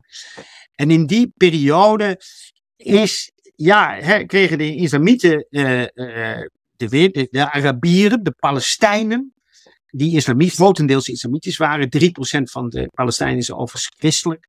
Maar het grootste deel is islamitisch. En die woonden grotendeels in dat gebied. En die hebben er onder Ottomaans gezag, hè, dus vanuit Constantinopel, vanuit Istanbul, bestuurd. Tussen 1516 en 1917, dus meer dan 400 jaar gewoond. Wonen daar ook Joden? Ja, maar hele kleine aantallen. Dus dan moet je je voorstellen tussen de 5 en 7000 mensen. Dat zijn een paar dorpen. De hoeveelheid islamieten die daar woonden waren een paar honderdduizend. Dus dat was op het dieptepunt van de Joodse aanwezigheid 1 op 100. En in de 19e eeuw was het 1 op 10. De hele, het hele idee, ja, er was een leeg land en er wonen helemaal geen Arabieren en Palestijnen zijn, zijn uitgevonden. Uh, nou, kijk, het, het, het, eh, het aardige is wel dat in die islamitische tijd onder de Ottomanen, hè, die vanuit Istanbul dat hele gebied, een groot deel van de wereld trouwens, het Midden-Oosten bestuurden, was dat er een tolerantie was naar anderen in de godsdienst. Dus daar woonden Joden in kleine aantallen en later werden die aantallen groter. Hè? En dat werd ook toegestaan dus die Joden die vestigden zich in Palestina. Dat land heette Palestina. Het, was, het, het land was het Ottomaanse Rijk, het gebied, het regio was de Levant. Maar de, de regio, hè, wat dan nu Israël en Palestina heeft, dat heette al Palestina. Dat heette geen Israël, dat heette Palestina. En in de 19e eeuw is er een, een nogal belangrijke gebeurtenis geweest. In 16, nee, sorry, 1896 schreef Theodor Herzl een boekje dat heet uh, De Jodenstaat, de Jodenstaat. En dat was het begin van het Zionisme. En daarin wordt eigenlijk gezegd, de Europese Joden, Theodor Herzl was een journalist in Oostenrijk. Dat was het begin van de Zionistische beweging. En de Zionistische beweging betekent terug naar de berg Sion. De berg Sion is de berg bij Jeruzalem. En dat betekent het Joodse volk moet een national woon krijgen op haar bakermat. Namelijk waar ze 2000, 3000 jaar geleden is ontstaan. Of in ieder geval heeft gewoond. Dat is het verhaal. Maar het overgrote deel van de Joden woonde toen natuurlijk in Europa, in Noord-Afrika en later in de Verenigde Staten. Wel, daar ben ik benieuwd van, want er zijn ook wel godsdienstoorlogen geweest en dan vluchten eigenlijk de mensen naar naburige landen. Ja. Was die diaspora, waarom is die zo wijd verspreid geweest met uh, de Joden dat je ook, ja, je had Spinoza in, in Nederland, uh, je, had, je had Joden overal in Europa. Werden ze zo neig vervolgd of zijn ze zo ver gevlucht? Want meestal als er een conflict is, dan zitten ze vooral in een vluchtelingenkamp in nabijland. Ja, maar... Ik kan niet zeggen dat Nederland nabij Palestina nee, is. Nee, dat is ook zo. Maar je moet je voorstellen, die, die Joden, de, de, de groepen Joden zijn uh, uitgeweken naar, eerst naar buurse landen, onder andere in Iran. Daar heb je nog steeds een Joods minderheid. Het gaat over vrij goed. Ik ben, ik, ik ben er geweest. Er is, er, er is wel een groep, maar die wordt niet gediscrimineerd. Die heeft volledige burgerrecht. Ook naar Noord-Afrika. In Marokko hebben ze ook een vrij grote Joodse minderheid. In Spanje hebben ze dat natuurlijk ook. Hè. Vroeger was Spanje, Portugal in die periode, in de middeleeuwen, was dat, uh, was dat uh, christelijk. Of was dat eigenlijk Arabisch? En en die Joodse minderheden die zaten daar overal. En later ook in Rusland, Oekraïne. Dat heette de Askenazische Joden. En van daaruit zijn ze ook in West-Europa gekomen. En in de tijd dat West-Europa Amerika koloniseerde, vanaf, nou ja, vanaf de 16e eeuw eigenlijk al, vanaf uh, Columbus in 1492 zou je kunnen zeggen, gingen steeds meer Joden ook naar de Verenigde Staten. En, is dat omdat, eh, omdat, ze zo nieuwsgierig of internationaal zijn? Waarom zijn ze zo ver moeten vluchten? Of waarom hebben ja, maar het is ook de vraag of het vluchten is. Ik bedoel, het is ook ook jij, jij gaat er maar vanuit dat iedereen vlucht. Maar mensen denken gewoon, nou, ik heb het hier wel gehad. Of het is hier arm. Of ik wil een beter inkomen. In de Verenigde Staten hebben een lichte toekomst. Dat geldt natuurlijk voor veel mensen nu ook. En wij denken dat al die mensen vluchten. Maar voor een deel denken mensen ook, nou, in, in Europa of, of in Amerika is voor mij een veel betere toekomst. En ja, dat, dat, dat is vanuit hun perspectief ook. Kijk, de vraag is hoeveel mensen je kan opvangen. En dat was, je moet je voorstellen, in tussen 1880 en 1920 zijn er vanuit Europa zijn er 6 miljoen Europeanen overgegaan in schepen, ook vanuit Rotterdam en Antwerpen, naar New York. En dat geldt voor Joodse burgers ook natuurlijk. En dus die Joodse burgers hebben zich gewoon verspreid en die zijn eigenlijk een groep binnen die landen geweest. En een heleboel toen, toen die Zionistische beweging op gang kwam, wat een nationalistische beweging natuurlijk is. Hè, wij moeten een eigen volk, een eigen front, een eigen land hebben. Uh, was een heleboel mensen waren daar helemaal, helemaal, hadden helemaal geen interesse in. Want die, die zei, ik ben Amerikaan, ik ga daar uitstekend, ik ben Nederlander, ik ben Belg, ik ben Rus, ik, ik, ik, ik, ga niet weg. Wat moet ik daar in Palestina? En toen is in 1917, dus 1947 heb je, had, je Brits protectoraat. En die Britten die beloofden eigenlijk een national home for the Jewish people. Zoals in de Balfour Declaration staat. En daarin uh, toen is er eigenlijk, denk ik, dat de komst van de Joden naar Palestina in de jaren 20, 30 met name, eigenlijk ook het gevolg was van het feit dat de Amerikanen zeiden: wij willen geen Europeanen meer. In 1921 was het voorbij. Dus de, de Amerikanen namen geen Europeanen, dus ook geen Joden meer op. Dus ja, die Joden wilden weg. Dan wordt daarvan gezegd dat dat was de pogroms. En natuurlijk was het ook na de Tweede Wereldoorlog maar er waren ook natuurlijk Joden die zeiden: ja, ik wil gewoon een, een, nieuw leven opbouwen. Er zijn bijvoorbeeld in 1924 uh, zijn er heel veel Amerikanen geweest, hè, die dus heel goed gingen eigenlijk, die gewoon een nieuw leven hebben opgebouwd in wat nu dan Israël-Palestina heet. Maar dit vind ik fascinerend. Als je dus naar Boston zou gaan, zou je zien dat daar een Ierse gemeenschap is en ze zien zich wel als Amerikaan, maar ze zeggen nog altijd van ik ben trots om Iers te zijn ja, het lijkt dan soms dat de Joden een beetje internationale zwervers zijn. Zij moeten ook een thuisbasis of origine hebben waar zij oorspronkelijk vandaan komen. Zelf, zelf mensen die internationaal verhuizen, of Nederlanders, Nieuw Amsterdam, dat dan New York werd, zouden toch ook zeggen van ja, ik ben origineel van Nederland, dus er moet toch ergens een thuisbasis zijn? Ja, maar dat is natuurlijk, kijk, de Nederlandse Joden en de Belgische en de Russische en de Franse natuurlijk ook, die Amerikaanse, die, die voelen zich gewoon Nederlander. Er zit ook helemaal geen uh, verschil. Mijn eigen zoon is, is Joods omdat zijn moeder dat is. Maar die is ook helemaal niet religieus. Dus allemaal kletskoek. Ja, het is dat je dat dan weet, omdat er, zit natuurlijk wel ergens een geschiedenis. Want zijn, zijn grootmoeder, uh, die, die, die is ooit onderduikkind geweest. Dus die heeft wel die hele zware Joodse geschiedenis meegekregen. Maar het is ook niet zo dat zij achter de staat Israël staan. Ze, ze, willen, ze willen het er maar liever niet over hebben, met name. Hè? Dat is ook wat speelt. Dus, dus ja, kijk, alleen je moet je wel realiseren. Die Arabieren, die Palestijnen woonden daar ook. En die wonen er ook al 2000 jaar. 17 was 90% Palestijn islamitisch. Ja? in die situatie zijn er in de jaren 20, 30 heel veel, met name Europese, maar ook Joden uit, uit Midden-Oosten en Afrika binnengekomen. En toen werd het ongeveer, uh, ja, kwamen er 600, 700.000 Joden en waren er ongeveer een miljoen uh, Palestijnen. En daar zijn ook wel conflicten uitgekomen, omdat die mensen door begonnen te krijgen dat die, dat die Joodse mensen, waren er niet een paar. Hè, dat moet je voorstellen, vanuit hun perspectief is het zo ja, dat, dat wij, hè, er wordt nu geklaagd over islamieten in Nederland of in België, maar uh, gesteld dat, dat, dat, dat er, dat, dat er uh, miljoenen zijn die, die de uh, gewone bevolking beginnen te overvleugelen. En dat, dat ontstond eigenlijk onder het Brits protectoraat. Toen heeft de Verenigde Naties heeft een besluit genomen door dat land te verdelen in een Joods gedeelte en in een Palestijns gedeelte.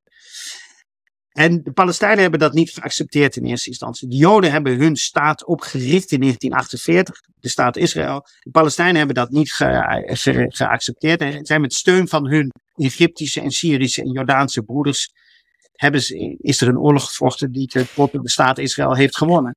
En toen de meeste mensen van de Verenigde Naties, dan de Europeanen, omdat er de nagolf was na Wereldoorlog 2, die zijn dan akkoord gegaan en gezegd van ja, de Joden moeten een thuisland hebben. Dus de meerderheid van de westerse Amerikaanse leden hebben dan gestemd van ja, wij, wij gaan voor de Joodse staat. Ja, dat is in 1945 is de Verenigde Naties opgericht als opvolger van de Volkerenbond. En daar is dat besluit inderdaad genomen. Overigens, de Britten hebben neutraal gestemd, want die zagen alle problemen aankomen. Die hebben toch wel gezegd, dit, gaat helemaal fout, want er waren al rellen en toestanden. En uh, ja, toen heeft Israël eigenlijk uh, in 1948 is daar een, een, een, verdrijving ook geweest. Dat heet in de Palestijnse geschiedenis de Nakba. Uh, 750.000 Arabische Palestijnse mensen zijn dus ook verdreven van hun land. En ja, die zijn dan wel later in de Westbank en de Gazastrip gekomen. Toen is, zijn daar Kirill, eh, of uh, terreurstrijd geweest. Onder andere onder leiding van de, uh, de Palestijnse Liberation Organization, de PLO en de man die daarbij genoemd wordt. In 88 is in Tunis, heeft hij, Yasser Arafat en de PLO eigenlijk erkend oké, wij erkennen min of meer de Israëlische staat en wij accepteren dat de, de staat Palestina bestaat uit Gaza, de Westbank en Oost-Jeruzalem. Dat is namelijk wat hun toe, toegewezen was. En dat is de basis geweest voor de Oslo-akkoorden in 1993. Maar vervolgens, en dat betekent dat toen, ja, eh, toen uh, ja, de PLO en ook Yasser Arafat en anderen daar konden komen. Hun hoofdkwartier was niet Oost-Jeruzalem, maar in Ramallah, stad vlakbij Oost-Jeruzalem. En dat is een situatie die eigenlijk nog steeds bestaat met dit verschil. Dat ondertussen 139 landen van de 193 landen in de wereld hebben dat erkend, hebben de staat Palestina erkend. Maar Israël, Amerika en de Verenigde Staten en ook uh, uh, Nederland en België volgens mij niet. En wij spreken dus nog steeds over de Palestijnse gebieden. En die Palestijnse gebieden, waarbij de hoofdstad eigenlijk gewoon, gewoon bezet is. Oost-Jeruzalem is bezet, geen geannexeerd door Israël. En de Westbank is in feite bezet. Daar wonen ongeveer 2,5 miljoen Palestijnen. Daar hebben ze nu een half miljoen Joden hebben daar illegale nederzettingen gepleegd. En je moet je voorstellen, als je daar komt, dat is een gebied ja, zo groot als de provincie Noord-Brabant, zou ik maar zeggen. Hè, of uh, de provincie Oost- en West-Vlaanderen bij elkaar. En als je daar komt, dan uh, hebben ze een muur gebouwd van 700 kilometer rond, rond die provincie. Uh, of rond dat staatsdeel zou je kunnen zeggen. Er zijn acht steden en daar zijn muren omheen en er zijn, uh, ik geloof, 600 checkpoints, allemaal beheerst door het Israëlische leger. Dus die mensen daar leven in feite onder controle van het Israëlische leger. En daar is een soort apartheid. Joden hebben daar de civiele rechten en eh, Palestijnen vallen onder militair recht. En dat is in feite gewoon een apartheidstaat. En eh, dan hebben we nog even Gaza. Nou, dat, dat, hè, dat is die, die strook land waar 2,2 miljoen mensen wonen. En die is helemaal omringd door hekken en muren, zoals je weet. Hm? Um, ja, je had ook de oorlog in, uh, wat was het, 68 en 73, dat eigenlijk uh, ja, ze enorm veel gebied verloren hebben. Ik heb eigenlijk ook mijn, uh, mijn, mijn afhandeling geschreven over de Palestijnse kwestie. En dan had ik gezien dat in het begin 28% of 25% misschien voor Israël was. En de rest voor de Palestijnen. Toen ik mijn thesis of mijn afhandeling deed in 2000, was het al compleet omgekeerd. heeft dan die fada gehad. We weten die beeld nog in de jaren 90, smijten met stenen en dat dat er veel dingen gebeurd zijn. Ik heb dan ook gehoord ja, dat er conflicten waren tussen de PLO en Hamas, dat die niet goed overeenkwamen en zo. Uh, om het een beetje kort te stellen, wat is er precies gebeurd de laatste drie of vijf jaar? Of hoe is die nederzettingenpolitiek in Israël, Palestina geëvolueerd? Want ja, na die intifada hebben we eigenlijk 10, 15 jaar bijna niets gehoord over het conflict. Ja, er is eigenlijk eh, sinds de jaren 30, eh, sinds de afgelopen 30 jaar, ik ben er zelf intensief geweest, begin van de eeuw, dus tussen 2000 en 2005. Maar in die 20 jaar is eigenlijk niet zo heel veel veranderd. Behalve dat de situatie alleen maar erger geworden is. Met andere woorden, de repressiegraad is groter. En dat betekent, je moet je echt voorstellen, dat, dat, dat is niet alleen een apartheidsregime, maar mensen worden ook, werden ook, hè, op dit moment is de situatie natuurlijk een oorlogs, oorlogspositie, maar daarvoor deed iedereen of het vrede was. Maar kijk, waarom, waarom mensen zeggen, ja, maar Israël is toch een vrijheid en democratie en een rechtsstaat. En hoe kan het dan dat dat zo anders is in werkelijkheid? De werkelijkheid is, ja, Israël is vrijheid, democratie en rechtsstaat, maar alleen voor de Joden. Begrijp je? Niet voor de Palestijnen. En de Israëlische Palestijnen hebben nog een bepaald soort rechts, hoewel ze ook gediscrimineerd worden. Maar die positie is nog beter. Maar de Palestijnen die in wat nu heet Palestina wonen, in de Westbank, staan gewoon onder militaire bezetting en worden gecontroleerd. En de Palestijnen die in Gaza wonen, daar kan je zeggen, ja, dat is vrij. Maar dat hele gebied is gewoon gewurgd. Ja, het hele gebied is gewoon omringd door het Israëlische leger en gecontroleerd. En die ja, want, want we spreken nu over Palestina. Ja. Als, als we dat bekijken volgens jouw map, dan zien we ook een soort van uh, stippeldeken, een, een lappendeken van verschillende regio's. Het is niet één brok land dat mooi aan elkaar gelijmd is. En zo verschillende regio's en evolutie zie je zo die stippen steeds kleiner en gefragmenteerder worden. Ja, je moet je voorstellen, in het, in midden van dat gebied, uh, het is een soort hoek en daar, daar ligt dan Jeruzalem. Dat Oost-Jeruzalem is, ge, is geannexeerd, is deel van de de Israëlische staat en volgens hun ook de hoofdstad. Verder zijn er ongeveer acht of negen steden. Die steden hebben autonomie. Met andere woorden, die besturen zichzelf. Dat betekent dat ze eigenlijk vallen onder de Palestijnse autoriteit. Maar in het hele gebied daaromheen is het Israëlische leger de baas. Um, en daar zijn dus ook ter bescherming van de Joodse nederzettingen allemaal muren omheen gebouwd. Er loopt dus dwars door die Westbank een muur van 700 kilometer, 12 meter hoog. Hele lelijke uh, betonnen muur. He, die, je moet je voorstellen, voor de oudere kijkers, die herinneren zich misschien nog wel de muur in Berlijn. Nou, toen ik het voor het eerst zag, dacht ik, oh, ze hebben die muur in Berlijn hebben ze afgebroken en hier weer opgebouwd. En uh, ja, daar is een enorme strijd ook over water. Uh, het blijkt natuurlijk dat de Joodse burgers gewoon in positieve zin worden gediscrimineerd ten opzichte van de 2,5 miljoen Palestijnse burgers. Dus als er te weinig water is, dan krijgen de Joodse uh, in de nederzettingen wel water en de Palestijnse niet. Dat soort dingen heb je dus ook. En uh, dat, die vernedering. Maar is het dan een plan, plan ja, er is er wel een plan. Er zijn dan wel, plan wel heel veel mensen die zeggen, die zeggen: het uiteindelijke plan is de volledige verdrijving van de Palestijnen. En uh, ja, daar was natuurlijk meneer Netanyahu en een grote groep op rechts. Uh, want, ik zou, ik, want ik zou denken, een muur, dat is de grens. Meestal als, als, meestal als mensen een muurtje plaatsen, dan is dat de grens. En dan kunnen ze ja. dan nog dikker beplanten voor hun muurtje, dat is oké. Okay. Ja. Maar hier lijkt dat muurtje, gaan ze verder dan het muurtje. Ik, denk, ik dacht dat een ja. muur een grens was. Nee, die muur is voor een groot deel Palestijns grondgebied. Dus dat is niet de grens tussen Israël en Palestina. Dat lijkt zo. Maar voor een groot deel loopt die muur ook rond Joodse nederzettingen in Palestina in. En ja, het, het uiteindelijke plan, daar, daar, daar is wel heel erg duidelijk. Dat wordt nu ook wel duidelijk. Kijk, ze kunnen niet al die Palestijnen verdrijven. In de zin van dat ze ze gewoon de grenzen overzetten. Maar wat ze wel kunnen, en dat lijkt wel of ze daar toch wel mee bezig zijn, is ze gewoon wegpesten.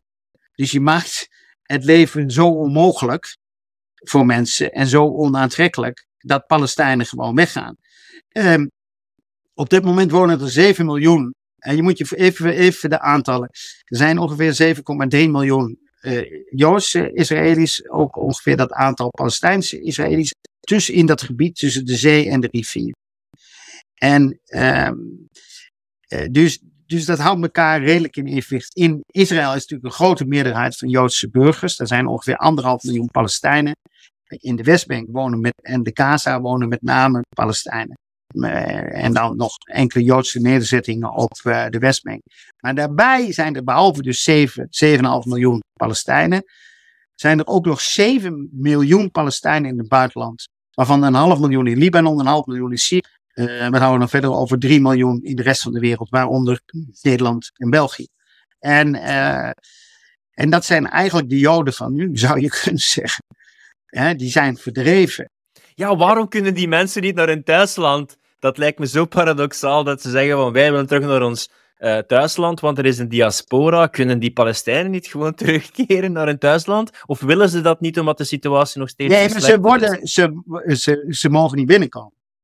Dus je, eh, op het moment dat jij als Palestijn uh, bent vertrokken, dan, dan zorgt de Israëlische overheid, die, die de alle grenzen controleert, ervoor dat jij niet meer binnenkomt. Ja, je, bedoel, je kan misschien nog wel mensen bezoeken, dat weet ik niet precies, hè, je, je familie. Maar je kan je daar niet vestigen. Je bent geen burger meer. Je, dus ze accepteren de burgers die daar wonen, maar iedereen die vertrekt, kan niet meer terug. Dus wat je ook, ook zag gebeuren nu in Gaza, de bombardementen op die gebouwen en de verdrijving van die 2,2 miljoen mensen, waar nu volgens de laatste schattingen 23.000 burgerdoden do, do, zijn. De angst voor die Palestijnen is ook daar is gewoon een nieuwe Nakba. Wij worden verdreven. Wij worden de Sinai-woestijn verdreven. Uh, en we kunnen nooit meer terug. En dan is dus de vraag. Uh, ja, dan wordt dan min of meer gesuggereerd dat je wel naar Europa kan. Of misschien in Egypte kan blijven. Er zijn ook een aantal Israëlische plannen die zeggen. Nou kunnen we die mensen niet naar Congo brengen. Uh, hè, dus je moet je voorstellen. De angst is ook een nachtbaar. Waarin zij nooit terug meer kunnen. En, en uh, het is ook duidelijk. Nu snap ik ook misschien waarom dat omliggende landen ze niet willen accepteren als vluchtelingen, omdat ze dan beseffen van ja, die zitten we dan permanent mee opgezadeld, want we kunnen ze niet meer terugsturen. Ja, maar de vraag is, kijk, Hamas wil dat eigenlijk, Hamas en de Palestijnse regering wil dat zelf niet. Want eh, je moet je voorstellen, die, die mensen kunnen gewoon niet terug. Dus je moet je voorstellen, op het moment dat die mensen massaal zouden vluchten met honderdduizenden, gesteld dat dat zou gebeuren, gesteld dat we ze in Europa zouden opnemen of elders, ja, dan wint de Israëlische regering, want die wil dat gebied leeg. Die wil het gebied overkomen. Die wil eigenlijk de hoeveelheid eh, Palestijnen zodanig decimeren dat, ze, nou ja, dat er een paar wonen, dat mag dan nog wel, onder controle van de Joodse meerderheid. De grote angst gaat ook over aantallen. De grote angst gaat over aantallen. De angst dat uh, de snel vermenigvuldigde Palestijnse meerdere, uh, uh, bevolking. Hè, want de, de angst zit bij de moeders. De moeders namelijk die nieuw leven geven. En toen ik daarvoor was in 2005 in Gaza, woonden daar, ik geloof, 1,1 miljoen mensen. En nu wonen er 2,2 miljoen mensen. Dat is gewoon 18 jaar later. En dat is dus eh, die, het overgrote deel van die mensen, 60% van die mensen is beneden de 24. Ja? 40% is beneden de 18. Van de, van de mensen die gestorven zijn, zijn 50% is kind, 25% is vrouw en 25% is man.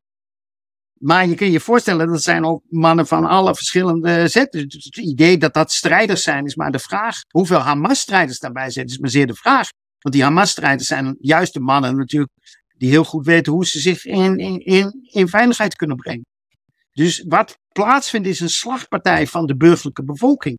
En de enorme slagpartij op de infrastructuur in Gaza. Ja, het is onvoorstelbaar als je erover nadenkt dat de wereldgemeenschap dat allemaal accepteert. En dat ook helemaal geen antwoord op, op heeft. En dat speelt, de eh, Amerikanen spelen een hele ja, dramatisch slechte rol. Maar ik moet ook zeggen dat wij in Nederland en in zekere zin ook in België en overigens ook in Hongarije ook geen beste rol spelen. Wij, onze premier, hè, die, Rutte, die wil graag de secretaris-generaal van de NAVO worden. En mogelijk gaat hij dat ook worden. En die, die gaat gewoon naar Israël en die zegt uh, tegen Netanyahu, sla er bovenop, ja, hou je wel aan het internationaal recht. Ja, ik bedoel, zo gaat het eigenlijk. Nu, ik heb, ik heb geen ik heb geen goed beeld van politiek, zeker de laatste twee, drie jaar, om dan ook eens af te ronden. Uh, um, Hamas bijvoorbeeld, uh, weaponized die ook dit conflict voor hun eigen belang en wil die dit conflict verlengen om hun eigen belangen te verdedigen. Wat is de rol van Hamas eigenlijk in dit hele conflict?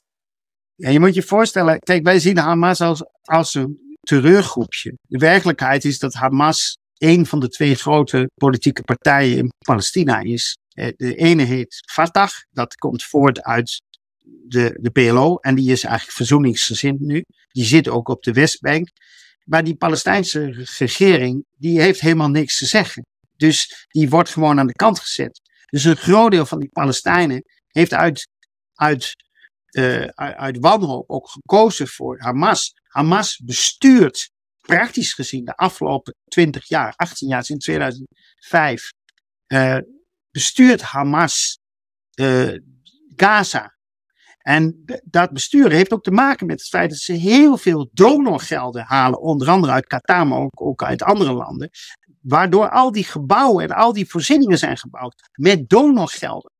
Dat is een deel van hun bestuur. Dus eigenlijk ging dat bestuur, ja, als je zegt, dit is het bestuur, ging niet zo heel slecht.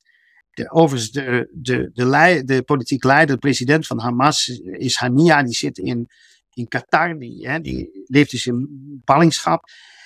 Maar er is ook een, een vleugel, een militaire vleugel, die al 40.000 man heeft verzameld. En die hebben die, die gangen gemaakt. En die hebben eigenlijk jarenlang uh, uh, een, een, strijdmacht opgebouwd, zou je kunnen zeggen. Die, uh, die tenslotte op 7 oktober naar buiten is gebroken. Overigens met steun en met medeweten van de Israëli's. Daar, is geen andere mogelijkheid voor, want de Israëli's hebben natuurlijk alles gezien.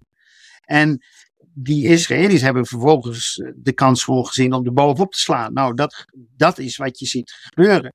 Maar die Hamas is dus een combinatie tussen een politieke partij, een sociale beweging, het bestuur en een militaire tak, die ook zo nu en dan terreurmethodieken toepast. De laatste vraag die ik heb, en je hebt ook uh, ja, dingen gedaan rond de BRICS. Ik denk altijd van, hoe zie je het conflict evolueren? Als we kijken hoeveel moslims er zijn in de wereld, als je kijkt met de toenemende macht van de BRICS, ook Saudi-Arabië en Iran dat erin zitten, dus ook een beetje een toenadering tussen Soenieten en Shiiten. Hoe zie je eigenlijk dit conflict internationaal evolueren en gaat dit ook effecten hebben op de wereldpolitiek volgens jou? Ja, nee, wat je ziet is BRICS voor het publiek Brazilië, Rusland, India, China en Zuid-Afrika. Daar zijn nu inderdaad, zoals je al zei, vijf landen bijgekomen. En dat zijn inderdaad ook niet voor niks uh, drie Arabische olieproducerende landen. Uh, Saudi-Arabië, Verenigde Arabische Emiraten, Egypte, maar ook Iran. Wat natuurlijk al een, een aparte staat is. En het is duidelijk dat we een, een soort contrast krijgen. Nieuwe duopolaire wereld. Ja, voor een aantal mensen wordt dat multipolair. Maar die BRICS werkt ook samen en met, laten we zeggen, Europa, de westerse wereld aan de andere kant en die BRICS-wereld aan, de, uh, die aan de ene kant, die BRICS-wereld aan de andere kant. Hoewel daar wel grote verschillen ook tussen zitten. Maar het zijn natuurlijk de nieuwe, grote, wat vroeger ontwikkelingslanden waren, maar het zijn niet meer zulke ontwikkelingslanden, want ze zijn gewoon deels ook ontwikkeld.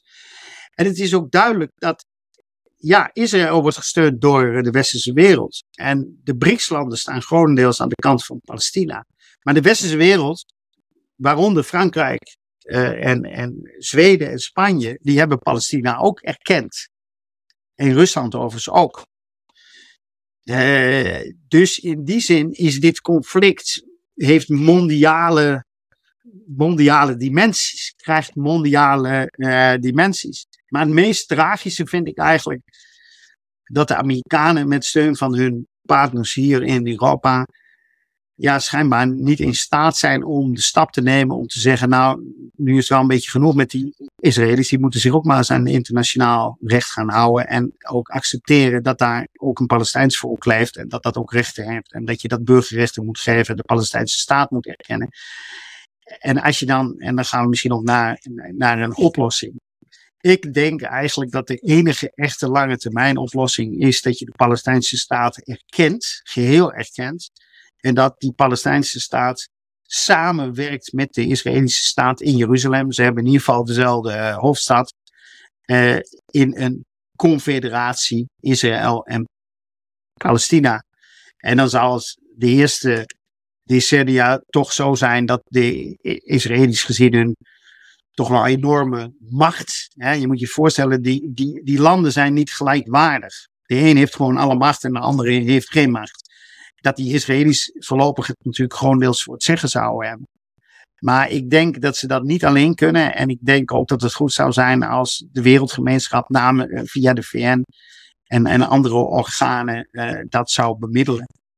Ik, ik, wat dat betreft zou het beter zijn om het onder, ja, onder een soort mandaat van de Verenigde Naties te stellen. En uh, die, die, die twee landen, die twee gebieden, min of meer zouden dwingen om met elkaar uh, tot, tot afspraken te komen ja, tot een oplossing komen en zorgen dat uh, mensen dichter bij elkaar komen. En ja, soms is dat verschillende meningen zien en verschillende perspectieven zien. Ik vind dat ook heel mooi wat dat jij doet, dat je toch probeert verschillende kanten te belichten en een beetje de stem van de onderdrukten of de onderdrukte mening te ja. weten komen. Als mensen wat meer willen verdiepen in jouw werk, context willen weten en meer weten over de boeken en uh, leuke dingen dat je schrijft, waar kunnen ze terecht om meer te weten te komen. Nou ja, ik heb een boek geschreven dat heet Tunnelvisies. He, dat is dit. Even uh, zussen zo. Hè? Uh, dat kun je gewoon in de boekwinkel halen of gewoon op websites. En Alternatief TV is uh, www.alternatief.tv is mijn website. En ja, ik heb overigens ook nog een eigen website, apgieterie.nl. Dus daar kan je ook alles vinden of je kan doorverwezen worden. En dan heb ik inderdaad, dat heb jij dus een paar keer gezien, een kanaal dat heet Alternatief TV. Daar presenteer ik zowel interviews als columns. Alles behalve een tunnelvisie en ook ja, met al de tunnels dat we vinden onder uh, synagoges of onder uh, Gaza-tunnels. Absoluut geen tunnelvisie. Dus volg zeker absoluut ab. En ook als hij nog uh, nieuwe theatervoorstellingen doet, zeker checken. Dat gaat zeker een leuke ervaring zijn. En bedankt voor een gast te zijn op de podcast. Ben je een ondernemer en wens je een succesvolle podcast te creëren? Of wil je snellere resultaten via simpele systemen die je contentcreatie, productiviteit en verkoop verbeteren? Ga dan naar hetehangijzers.com/start en ontdek wat Philippe voor jou kan betekenen.